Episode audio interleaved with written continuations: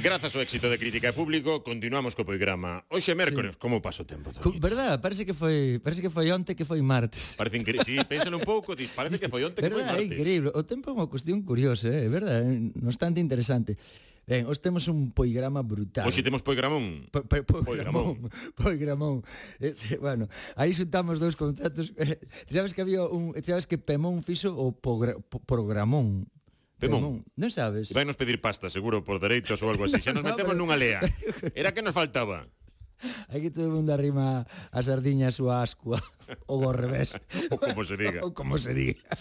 Mira, os, os completamos a triloxía. Ah. Sabes que tivemos hai un par de semanas un vello de 90 anos contándonos os batallitas e tal, que é moi interesante e todo correcto. Tivemos a un adolescente a semana pasada que, que, que le cunde todo e que, bueno, que non sí. hai problema, que igual se complica máis e ten que quitar o carné, pero mentras non teña o carné o mundo é maravilloso. E ora, claro, vamos, 90, eh, 21 anos e ahora vamos a, a completamos a triloxía cos nenos de 6 anos. Carai. Pero brutal. Pero falaron por programa. Mira que bueno, eh, eh, Igual eh, hai que interpretar un pouco. Igual hai que interpretar un pouco. Vale, vale, pero no vamos a falar porque, bueno, hai cuestións de que non... Bueno, vamos a empezar co ca banda sonora vale. depois, e depois Imos sobre sabemos a depois a ver que pasa. Sí, depois a ver que pasa. Vale. Vamos, o que o mellor, o mellor é isto. Vamos. Oh, me loco. Mm,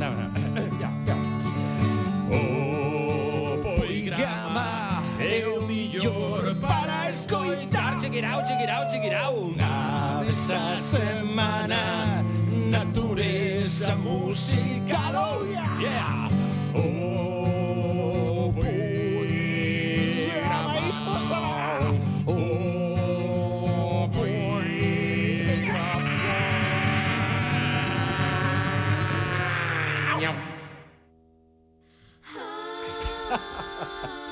impresionante. Durmo con medo de que algún día non saian as eh, os, as, no? os coros que os veñen coros, despois. Sí. O, o tema Salvase, do disco sí. Dios, que podemos escoitar, eh, se queredes disfrutar máis deste tema, en Spotify está todo o disco. Ben. Indios. Indios. Indios. Indios. Bueno, In... ese xogo de palabras indios, indios, sí, pero indios, indios. mellor indios. Sí, in, bueno, Dios. Sí, in, dentro de Dios tamén, in guión Dios. Pasa que ese guión, claro, abre, abre sendas misteriosas e salvases. Bueno. É un guión feito por un bo guionista, claro. Eso tamén notas. Mira, Eh... Esa puntua. Sí, apunta aí con bolígrafo sí. indelable. Ben, eh, Ben, entonces, bueno, entón hoxe completamos triloxía. Vale, entón eu eh, sí. fun, fun a un centro destes de, de, de, de escola, unha escola eh, de, de pequerrechos e tal, do Barbanza. Mm -hmm. Ben, depois vime cun problema serio que non puden dicir nin que escola era, no, é que non digas, nin de pouco os meniños. Entón me contaron a historia. Pero mira, atende, vamos a empezar eh, o, vamos a empezar co primer meniño. Atende, mira. Eh, o meniño tuvo que facer un exercicio que igual ni este é un exercicio para un meniño de 6 anos, 6. Mm.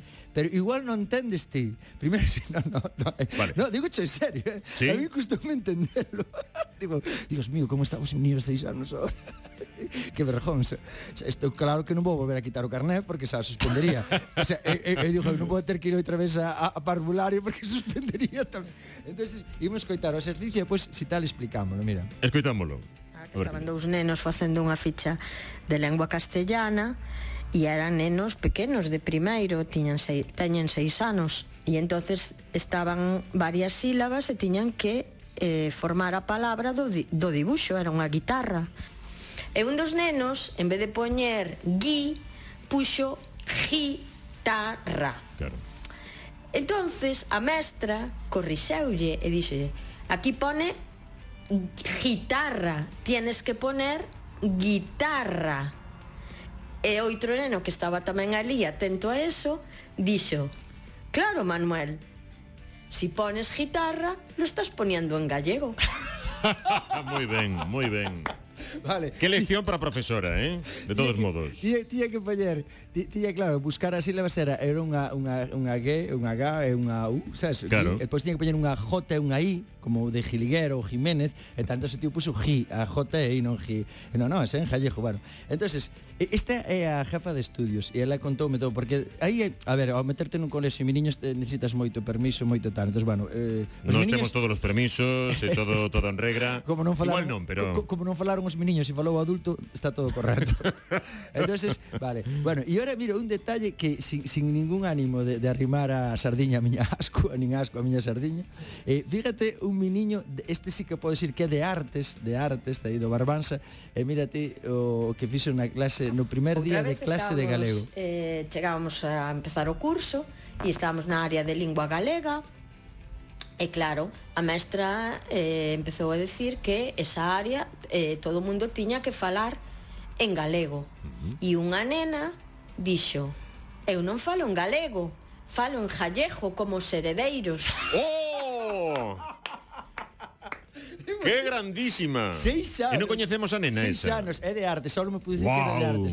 Seis anos, a que, a que maravilloso. Qué ¿eh? bonito, eh? Qué bonito. Eu falo en galego, eu falo en gallego, como seré. Influístes máis vos co libro Anaya. É unha cosa brutal. Seis anos, que fuerte. Bueno, un día que se entere de que van as letras. Vale, ahora va... van a disfrutar máis. bueno, vale. Eh, entonces, eh, ben, eh, seguimos en nas clases, en estas clases de seis anos, maravilloso, e agora vamos con outro exercicio. Sí. Máis exercicios? Continentes. Ah, atención. Eh, nunha clase que a mestra mandou dibuxádeme un continente E cando foi mirar por todas as libretas, tos dibuxaran Asia, América, Europa, Oceanía, e nunha libreta estaba continente o Centro Comercial Continente.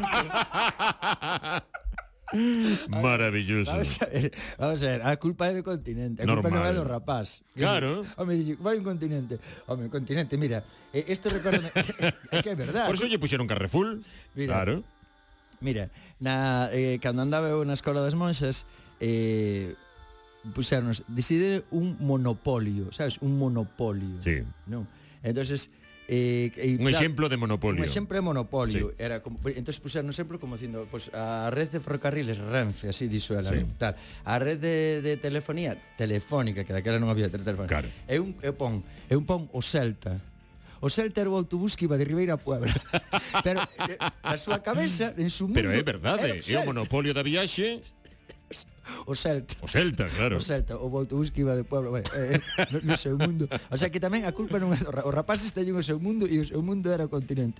Bien, e ora, mira ti, esta resposta tan elaborada e tan maravillosa, e cuidado, estamos falando de, de, de, de seis anos. Seis anos, son maravillosos. Atende, cando eh? lle preguntan o sentido do gusto. E aquí esta resposta ten unha profundidade inmensa, insondable, mira. Nunha pregunta dun control de ciencias da natureza, eh, a pregunta era como funciona o sentido do gusto? E a resposta foi da nena foi mm, as sustancias eh, están en contacto cas papilas gustativas que recoñece o sabor. E cando ese sabor chega ao cerebro o cerebro decide se o traga ou o escupe a maquinaria humana é perfecta.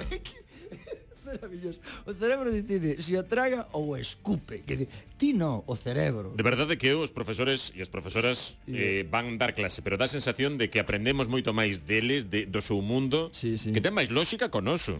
Sobre todo porque esta... Eh, no, sobre todo porque esta resposta ten eh, unha profundidade, como decía antes, insondable, porque e a nena de algún xeito está asumindo que ela non é nin o seu corpo, nin o seu cerebro, nin nada, e é unha cousa eh, dunha, dunha carga moi grande, porque e quen somos? Esa é a gran pregunta, non? E, e, e, e digo só unha parte, de verdade, nada, unha cuarta sí. de, de, de mística. Toda. Cando facemos a pregunta que hai despois da morte, Joder, que baixón. No, baixón no, tranquilo, no, no, espera, no, no, no, espera, no, déxame, por favor, sí, sí. desarrollar a resposta. que totalmente, é que non podo, non, non, non, non levanto cabeza. A ver, no, simplemente é que quero aproveitar esta resposta tan sublime desta sí. rapasa para, para introducir isto. Bueno, esa pregunta non ten resposta e eh, nunca terá se pode divagar sobre ela, se construíron imperios e religións eh, en base a esa pregunta que hai despois da morte, se pode especular... Xeramos que, hipóteses, pero generamos nunca chegaremos... hasta un imperio. Sí eh, dirigido dende Roma. Pero generamos todo, xeramos todo o que queiras en base a esa pregunta, a esa pregunta. Uh -huh. Pero esa pregunta non ten resposta, porque esa pregunta está mal formulada. Claro, esa pregunta que hai despois da morte, ao estar mal formulada, non ten resposta. A pregunta porque... é que, an que hai antes da morte. no. Tampouco. No. A pregunta que queres facer realmente é quen son eu porque entendes que non eres o corpo e tal. Se, se, si, si realmente facemos esa pregunta, porque eu creo que está implícita na, na pregunta anterior. Entón, sí. eh, bueno, pois aparte de facer unha pregunta con esa dualidade da vida, preguntar eh, tal, pois tam, pero non vamos a seguir profundizando. Só quero dicir que a nena in, in, in, in, moi ben, moi ben. intrínsecamente xa, xa é consciente deso. Vale. Bien, vamos agora con outro caso que é o mundo mágico do, do, dos rapaces, que isto tamén é outro tema. Mais historias de meniños. Si, sí, unha máis, unha máis, de, si déixame, por favor, unha máis e estábamos nunha clase de infantil e puxenlles eh, a cinta de, de Xuxa. Xuxa Par Xuxa. e estaban bailando sí, sí, e e así Xuxa. cantando e unha nena acercouse ao radio casé e polo altavoz acercouse así a vista mirou pa dentro e dixo está aquí dentro Xuxa está aquí dentro pobreña pero, pero non Como non emocionarse con estas cousas? Verdad, está aquí dentro. Sí, pero eh, eh, sí, sí que é emocionante. Sí. E, e aquí tamén se abre outro debate pequeniño tamén, non, non, non, non sí, moito máis eh, liviano que o anterior, pero sí que se abre outro debate, porque hasta que punto eh, os filósofos tamén trataron este tema, hasta que punto é lícito ou é, é prudente ou é interesante ou aporta algo eh, encher de fantasía aos meniños, non? Ben sea, bueno, con toda a fantasía que lle creamos, non? De, que pois que é bonito, unha ilusión bonita, non? Depois de, ai, me gustaba me creer e ora, non? Non sei, non quero Quedar coa ilusión da infancia, dis. Coa ilusión non? da infancia, non quero dicir as, as ilusións que lle creamos, ya. pero todo o mundo sabe, sí. hai certas épocas do ano de que Xuxa non está aí dentro, e non deixa de ser unha ilusión. Sí, sí, ¿no? pero eh, pero ela veu no realmente. Claro, claro, claro. Si, si, non... Sí. Vale, moi ben, bueno, pois pues, eh, aquí completamos a trioloxía do sí, bello... Sí, porque a... o seguinte corte veo, eh, sí. vexo por aquí, chamase Gata Fumadora, pode ser. Ah, é que este é increíble. Sí. Vale, e agora vamos ao mundo máis peligroso dos adolescentes. vale, este é un adolescente, bueno, é eh, maior de edad, adolescente, no obstante, porque agora a adolescencia dura hasta os iba a dicir 50 e pico, polo menos. Sí, sí, porque iba a dicir 30 e sabía que me estaba quedando moi moi cur. Ben, entonces mira ti eh, que aquí tamén non sei se rirme ou chorar, porque atende ver. Eh, como era gata? Natilla, natilla. Natilla. Sí. Eh, esa gata que, que ten de especial. Es adicta a la nicotina. E como sabes? Porque cada vez que me enciendo un cigarro viene a olerlo y a respirar el humo. O sea, a primeira hora da mañá Sí, sí, sí. El primer cigarro de la mañana viene corriendo y respira el cigarro. Pero claro, non fuma calquer tabaco, prefiere o tabaco negro, non? Cuéntame iso. Eh, sí, eh, mi madre fuma tabaco negro y le gusta más el, el, los cigarros de mi madre que, que los míos, que es rubio. Atención a isto, eh. Acabo Atención de quedar, a isto. Mira, eh, como sabes, eh, a, a, a noticias salta. Eu, eu sou unha persona atenta. Sí cos meus sentidos eh, gustativos, minhas papilas gustativas atentas, e mi cerebro di, lo trago ou lo escupo? Bueno, pues, aquí lo tragué, fume. Entón, ese... Eh, Estaba unha rapaza, estaba contando isto, é unha conocía de nada, chamase Lara, despois estaba contando isto de que seu gato está preocupada porque seu gato ora xa reclama o tabaco, polas mañás vanlle capatita e dar. É adicto, non? Está enganchado sí, sí. ao tabaco. E, e, e se a nai pues, está con ela na casa, pois prefiere o tabaco da nai. Entón vai como dicindo, eh, faltame el, el, el, antes que a comidita del platito. Que, dirá, ah, comidita está de, de, deshidratada, prefiero algo máis. E eh, fíjate que complicado, ¿verdad? Bueno. E agora, mira, unha anécdota maravillosa que unha conocía sublime do noso amigo Narf. Oh, Acordaste de Narf? Por favor, todos Fran, os días, Narf, Fran ¿verdad? Pérez. Pero, verdad? Maravilloso ser maravilloso. humano Bueno, e artista, por suposto. Uf, impresionante. Tamén coincidí unha noite con el sublime. Un gran descubrimento. Mira, Pois eh, esta anécdota contanala Uxía. Uxía que... Bueno, pois estaba en Uxía, coincidín con ela nun mercadillo en Porriño. Que e tedes un proxecto xuntos, non? Sí, o, o, a, que este Benres vai a tocar no lugar dos Devas. Mm? A, que eh, arrancamos unha historia que é a noite dos Devas, en Covelo, nun monte maravilloso, parece el pequeño Tíbet ali eh, restauraron un pequeno pueblo, bueno, é unha cousa sublime, cómese de maravilla, que é importante, de eso insisto neso. Íamos a iso. Vamos ao que va, ao que vamos, tal. Entonces, Uxía, este Benres vai, vai a tocar aí. E, e contoume esta anécdota de Narf Mira que sublime O sea que, que unha noite en carnaval Nunha aldea de cuyo nombre non queremos acordarnos Si sí. Non é tan aldea Non é tan aldea No, no, non podo dicir que vila é eh? É unha vila mariñeira Ata aí podo ler Era entroido e estaba xente con moitas ganas de festa, claro, pero había un concerto de Narf nese, nese lugar, que era un, un, un sitio ben xeitoso, pero claro, o ambiente estaba como de entroido. Entón, nada, comezou o concerto e tal, había xente ali na barra, Fran empeza con esa forza que tiña espectacular coa súa guitarra eléctrica o primeiro acorde solta a primeira canción e de o fondo da barra hai un tipo que di Non queremos pensar. Pero, en fin, eh, Fran, Fran eh, dixo, xa verás ti, has de comer na miña man. E efectivamente, os tres temas estaba tipo ali en primeira fila, interesadísimo. Oh pasou todo o concerto vestido de, que sei, de indio, pero completamente entregado. Así era Fran, un encantador de serpes e un tipo que votamos de menos cada día.